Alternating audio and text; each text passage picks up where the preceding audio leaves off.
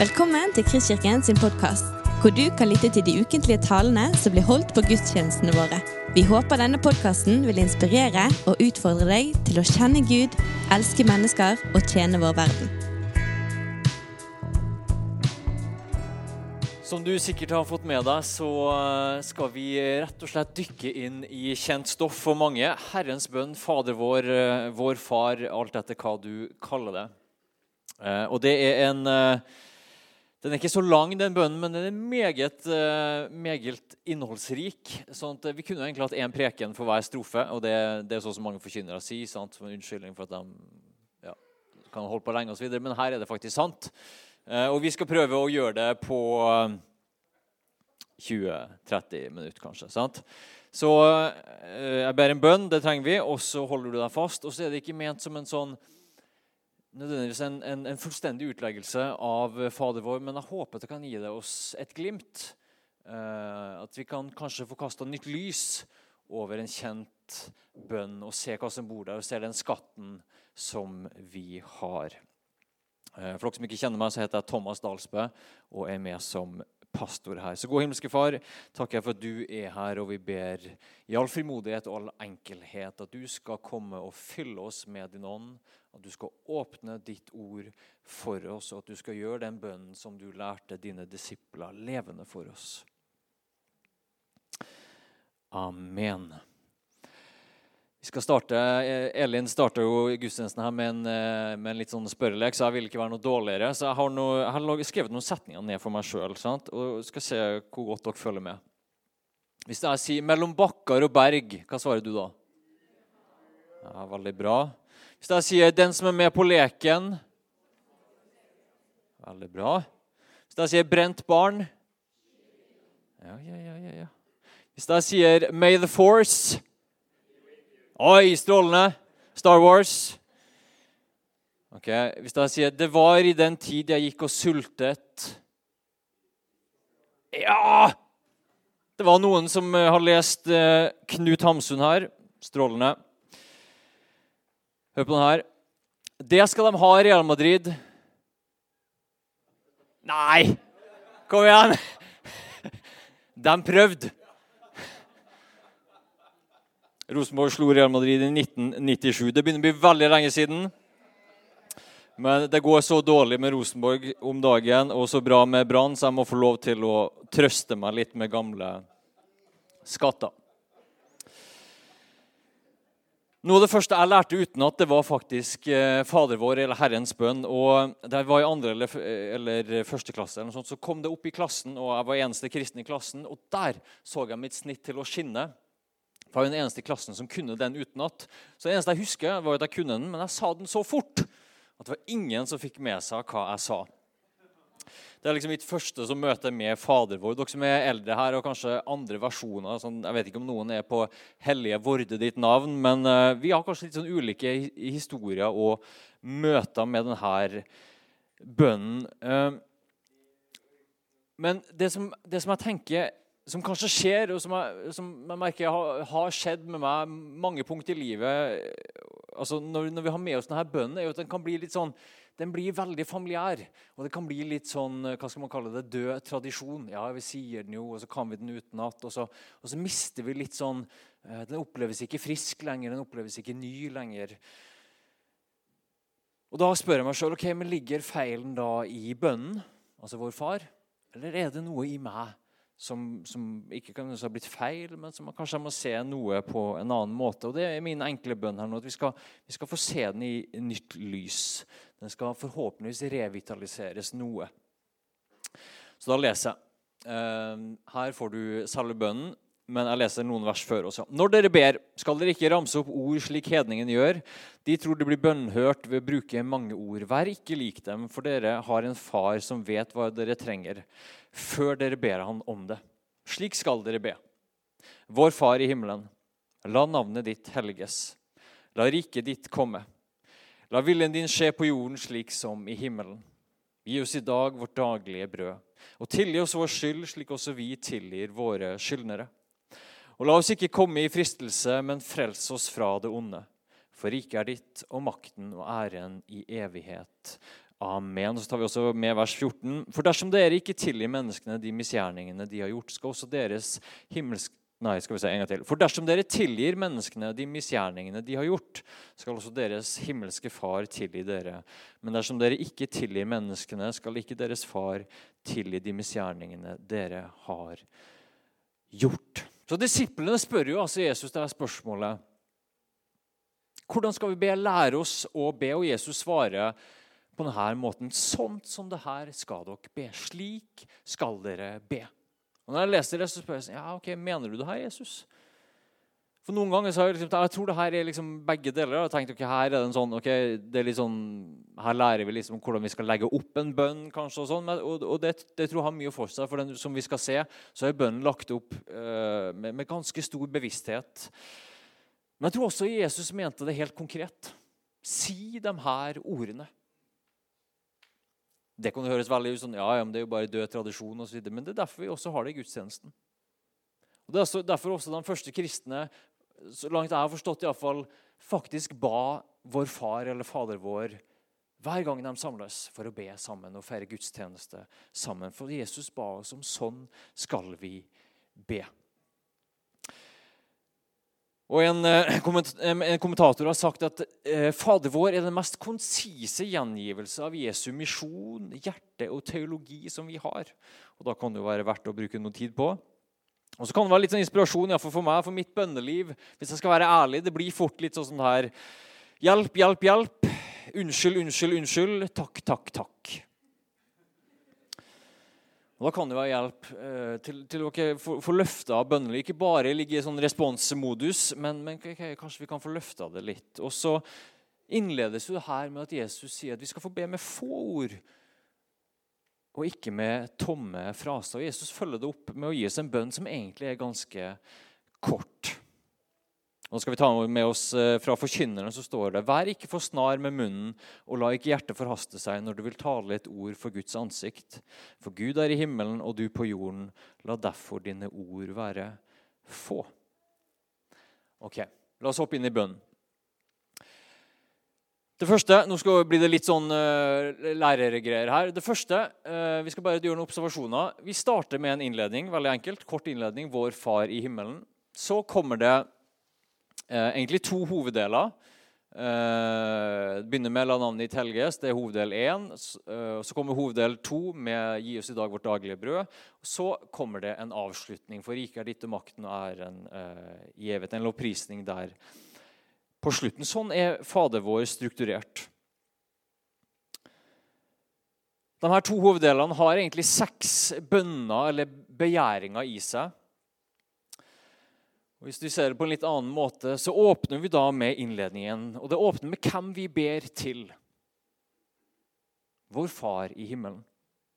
Så kommer hoveddel én, som har fokus på Gud. Det er ditt, ditt og din.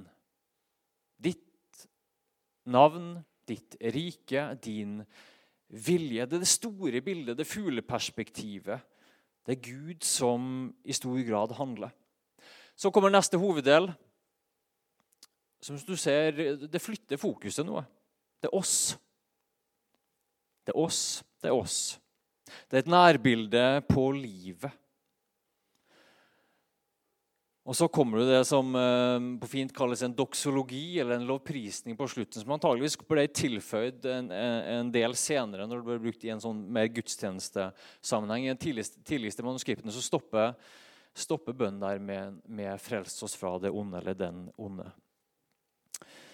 Og Hvis du skal ha, få en nugget, nå skal du få den her helt gratis uh, helt i begynnelsen med. Uh, vi forkynner like av og til å spare liksom, gode poengene til slutt. og sånn. Hvis, hvis du ser her i de to hoveddelene. La ditt navn helliges, altså hoveddel 1 som har fokus på Gud, og hoveddel 2 som har fokus på oss. Hva kan det minne oss om?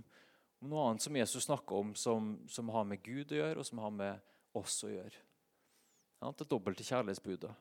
Du skal elske Herren Gud av hele din kraft, av all din sjel osv. Og, så og du skal elske de neste som deg sjøl. Vi skal ikke bruke mye tid på den, men jeg syns den var så bra når jeg så den, at jeg ville bare legge den der ute.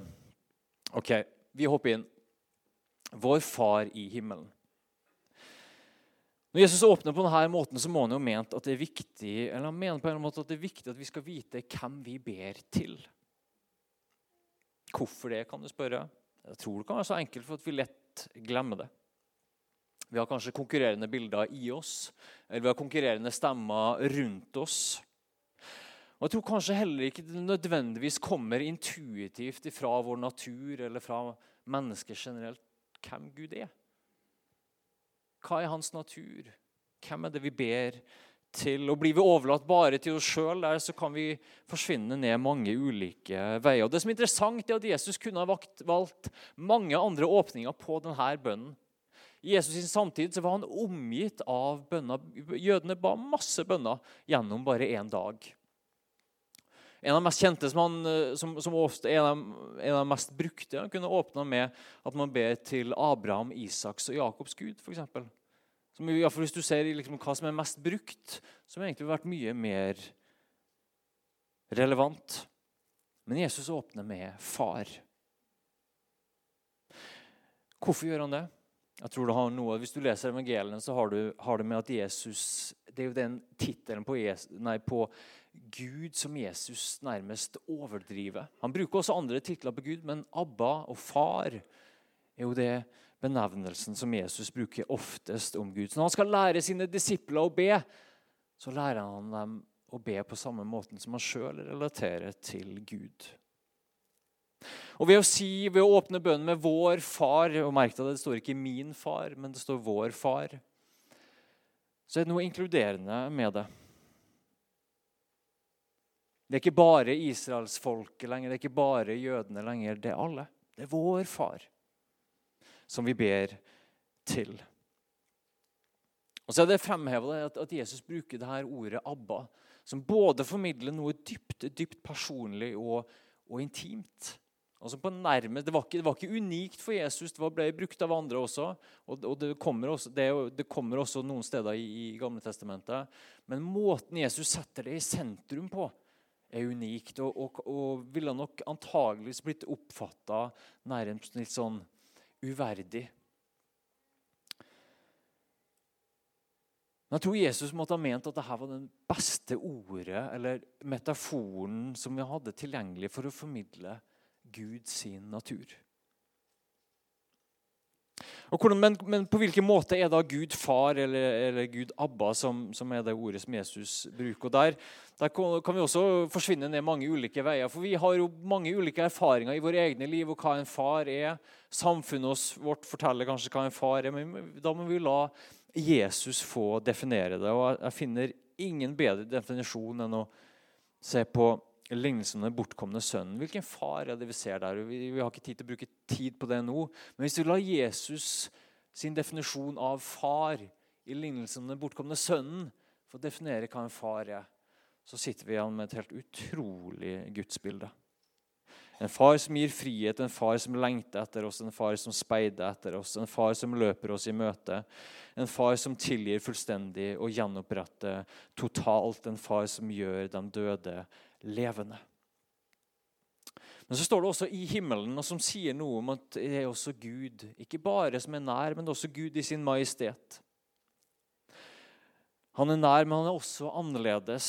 Han er også der oppe. Ikke langt unna denne sånn i distanse, men langt unna kanskje i hvem han er, og i sin natur.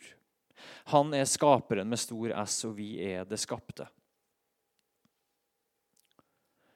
Så Da er utfordringen som vi får med oss helt i begynnelsen her. Når du ber, så kan du være frimodig på at du ber til far.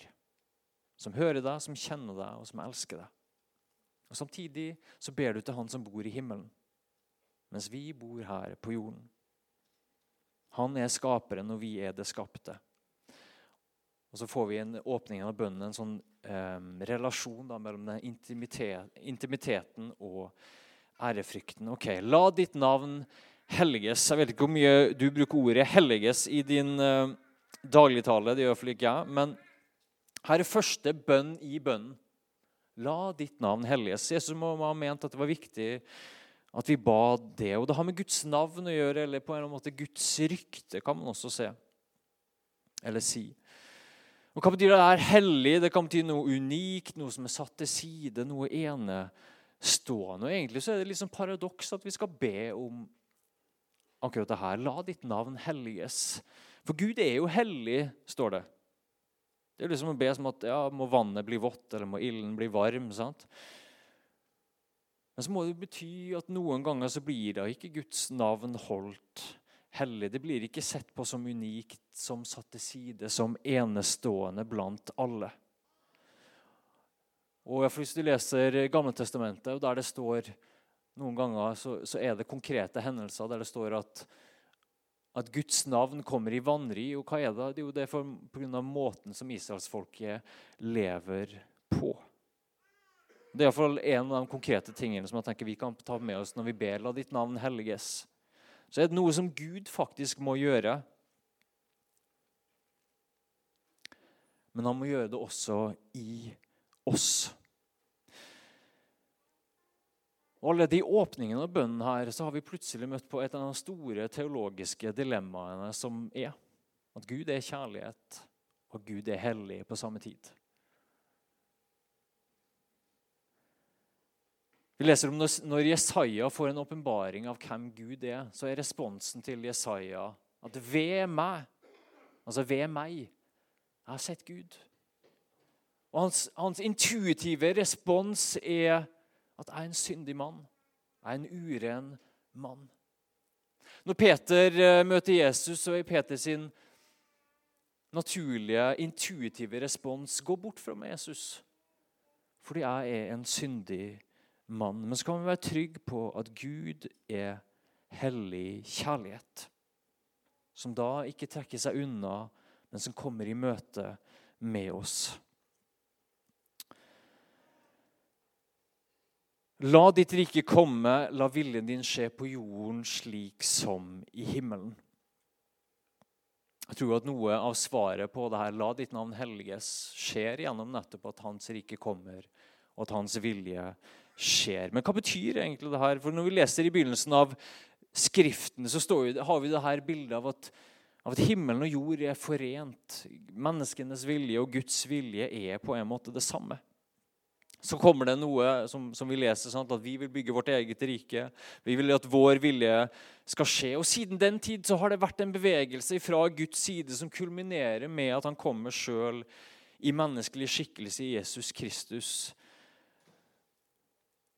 At hans rike må få komme iblant oss. At hans vilje må få skje iblant oss. Og det, sier, det er utrolig mange lag her, men men det sier iallfall noen ting. Av og til kan man jo tenke på historien som meningsløs. Historien går bare sin gang. Eller man kan tenke på historien som en sirkel. At det bare gjentar seg og gjentar seg. gjentar seg. Også noe meningsløst.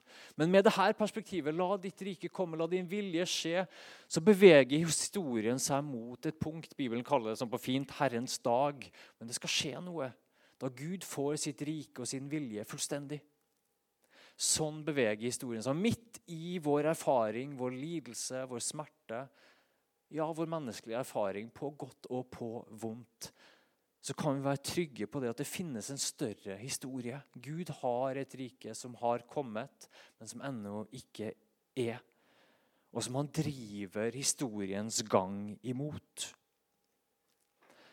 Og Hvorfor skal vi be om det her? Det er jo nettopp det som John Wimber sa så fint, at Guds rike er allerede men ennå ikke. Jesus sier 'omvend dere fordi Guds rike er kommet nær'. og Samtidig så leser vi om at det skal komme en dag at Guds rike kommer fullstendig. Har Guds rike kommet i livet ditt, i livet mitt? Altså Hvis vi har fått Den hellige ånd, ja, så tror vi det. Men har Den hellige ånd fått fullstendig plass i livene våre? Fått mulighet til å se inn overalt og få påvirke enhver, altså alle områder i livet? Ja, kanskje for deg, men, men, men iallfall ikke for meg. Så Guds rike er også på vei. Og så sier det også noe om den menneskelige viljen. Vi har også en vilje, vi har også en påvirkningskraft. La viljen din skje på jorden slik som i himmelen. Kristne har jo vært kjent for et sånn himmelfokus, og mye av det er veldig bra. Men bare legg merke til at her ber vi ikke om at vi skal komme til himmelen, men at himmelen skal komme til oss. Så la oss ha omsorg for jorden. La oss ha omsorg for samfunnet. For Guds vilje at himmelen og hans vilje skal skje her. Ok, Vi dundrer videre. Henger du med? Ja, bra. Nikker sånn forsiktig, og så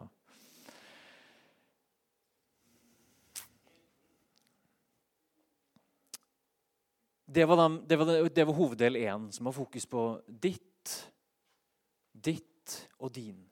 Det er fugleperspektivet, det er Guds vilje, det er fra Guds perspektiv. Så kommer vi til de tre neste bønnene som har med mer oss å gjøre. Gi oss i dag vårt daglige brød. Utrolig hverdagslig. Kanskje ikke så relevant for vi som lever i velstandssamfunnet Norge. Men for dem som har hørt på det her opprinnelig, så må det ha betydd mye. Fattige bønder i Galilea som sleit med både mye gjeld, veldig mange av dem, og det å få endene til å møtes. Daglig brød. Det måtte utrolig, Vi, vi kan jo åndeliggjøre veldig sånn når vi leser Vår Far, og det er masse åndelige dybder, men det er også noe utrolig konkret i det her, som kanskje vi mister av og til. Og Hvorfor skal vi be om det her? Det må jo være fordi at Jesus tenker at vi trenger det. Altså, vi trenger det rent sånn fysisk. Vi trenger jo mat på bordet, og vi trenger lønn, som kanskje er mer sånn relevant metafor for for oss, men det møter jo også noe dypere. Hvorfor skal vi be om det? For det, det, det møter denne dype menneskelige angsten i oss. Selv om i, i, i Norge så er det liksom dekt med flere lag med liksom lønn og, og, hus og bil og, og, og velst, sosialdemokrati og velstandssamfunn. Men, men dypt i oss, selv oss, så finnes det en dyp menneskelig angst for ikke å ha nok. Kanskje noen kjenner det på kroppen i dag. Jeg vil tippe majoriteten ikke kjenner det som en sånn uh, at det er det mest presserende behovet. Kanskje man har opplevd det noen ganger i livet. En dyp, dyp menneskelig angst for ikke å ha nok. Og det ser Gud. Fordi han er vår far, og han vet hva vi trenger. Og da blir utfordringen når vi ber det her, stoler vi på at Gud er vår forsørger. Eller er det Velstands-Norge som er vår forsørger? Eller er det bedriften? Eller er det lønningsposen? Og Hvis denne frykten for ikke å ha nok skulle ha noe rom i mitt og ditt hjerte, så la oss legge den fram for Gud. For den frykten kveler livet. Og neste utfordring vi ser i dette, er jo at brød som er bildet som Jesus bruker her, er jo, er jo en gave.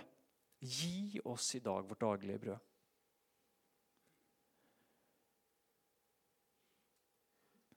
Det er ikke vår rett, det er ikke vår fortjeneste fordi vi har jobba veldig hardt for det. Det er en gave. Livet er en gave. Selv den lønningen som du får etter å ha jobba hardt overtid en uke, det er dypest sett en gave. Vi eier ingenting. Men vi får det fra Han som eier alt. Og Når vi kan se på livet og på våre materielle goder som en gave, så får livet en helt annen karakter. Og vi ser på livet på en helt annen måte, er min påstand iallfall. Og materialismen slipper noe av taket. Men tenker vi at jeg fortjener det, det er mitt, så holder materialismen sin klamme hånd over våre hjerter. Og Legg merke igjen, vi ber ikke om mitt brød, vi ber om vårt brød. Og som en kommentator sa det, vi ber Gud om brød og ikke kake.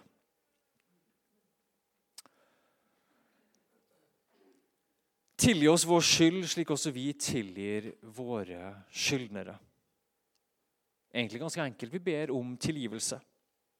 Og det her Ordet for skyld er litt sånn vi skal ikke gå inn på grunntekst. og Jeg har, eh, jeg har kun ti studiepoeng i gresk, så jeg har ingen heller kompetanse til å hoppe inn og late som at jeg kan noe av det. Men, eh, men lærde folk sier at det ordet som brukes for skyld, rommer både det her aktive som vi Altså det vi har gjort overfor andre som vi ikke burde ha gjort.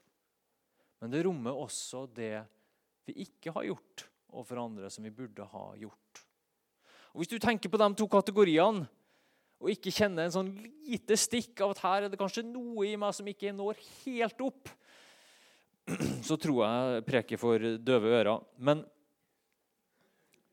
da er det noe universelt ved det. For hvem av oss er det som ikke kjenner på at noe er mangelfullt, hvis det er det vi måles opp imot? Alt det vi har gjort som vi ikke burde gjort, og alt det vi ikke har gjort som vi burde ha gjort.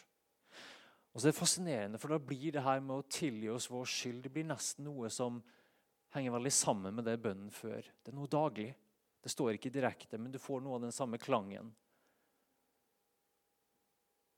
Tilgi oss vår skyld i dag også, Gud. Slik vi også tilgir våre skyldnere. Tilgivelse er et daglig behov på lik linje med brød. Og tilgivelse er sentrum av hva det vil si å leve i Guds rike. Det vil både si at du er tilgitt, og det sier jeg uten forbehold og uten å kjenne din historie, men med veldig stor frimodighet. Men det betyr også at den kraften for at den skal få virke, og som er jo avslutningen når, når verset etter, når, når bønnen er ferdig den får, ikke, den, altså den får Tilgivelsens kraft får ikke virke i oss om vi heller ikke tilgir vår neste. Og igjen, Dette kunne vært en hel prekenserie vi dundrer gjennom, men å, å tilgi er jo da ikke det samme som å si at det var ikke så farlig, eller det, ja, det er jo greit. Det har jo ingenting med det å gjøre. Men å tilgi handler dypest sett om at vi gjør det fordi at Gud har gjort det mot oss. Det er sånn Gud er i sin natur. Og med Jesus som modell så tilgir vi til og med før det finnes en beklagelse, eller før det finnes anger hos en motpart. Vi mente ikke på en motpart. Jesus ba far, tilgi dem, for de vet ikke hva de gjør.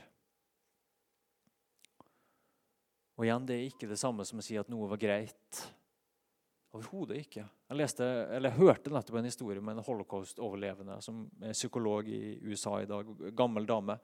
Men hun reiste jeg tror ikke hun var kristen, men hun reiste fysisk tilbake til et av Hitlers bosted. Jeg vet ikke om det var det her Ørneredet eller om det var andre steder. Hun reiste fysisk tilbake til Hitlers bosted for å tilgi.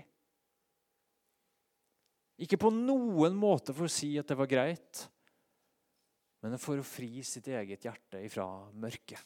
Det var sånn hun beskrev det. i hvert fall. Tilgivelse i sentrum av hva det vil si å leve i Guds rike. Og La oss ikke komme i fristelse, men frelse oss fra det onde. Det er jo en bønn om beskyttelse. Hvorfor skal vi be om beskyttelse? Det er jo fordi vi lever i en verden for å si det litt eh, poetisk, med både mørke og lys.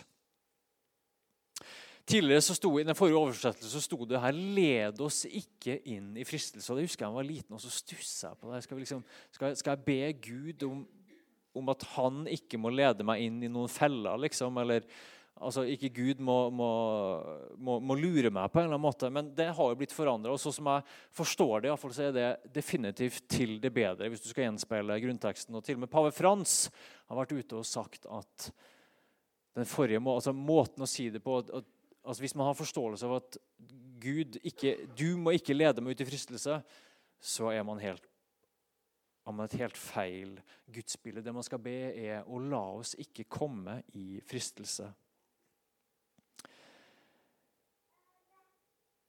Fordi vi lever i en verden med både mørke og lys. Og vi ber ikke beskyttelse fra Gud, men fra bedrag.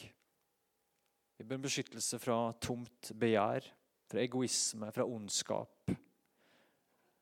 Og Vi ber om å ikke havne i fristelse. Hva er fristelse egentlig? Dypest sett så er det en grad av blindhet.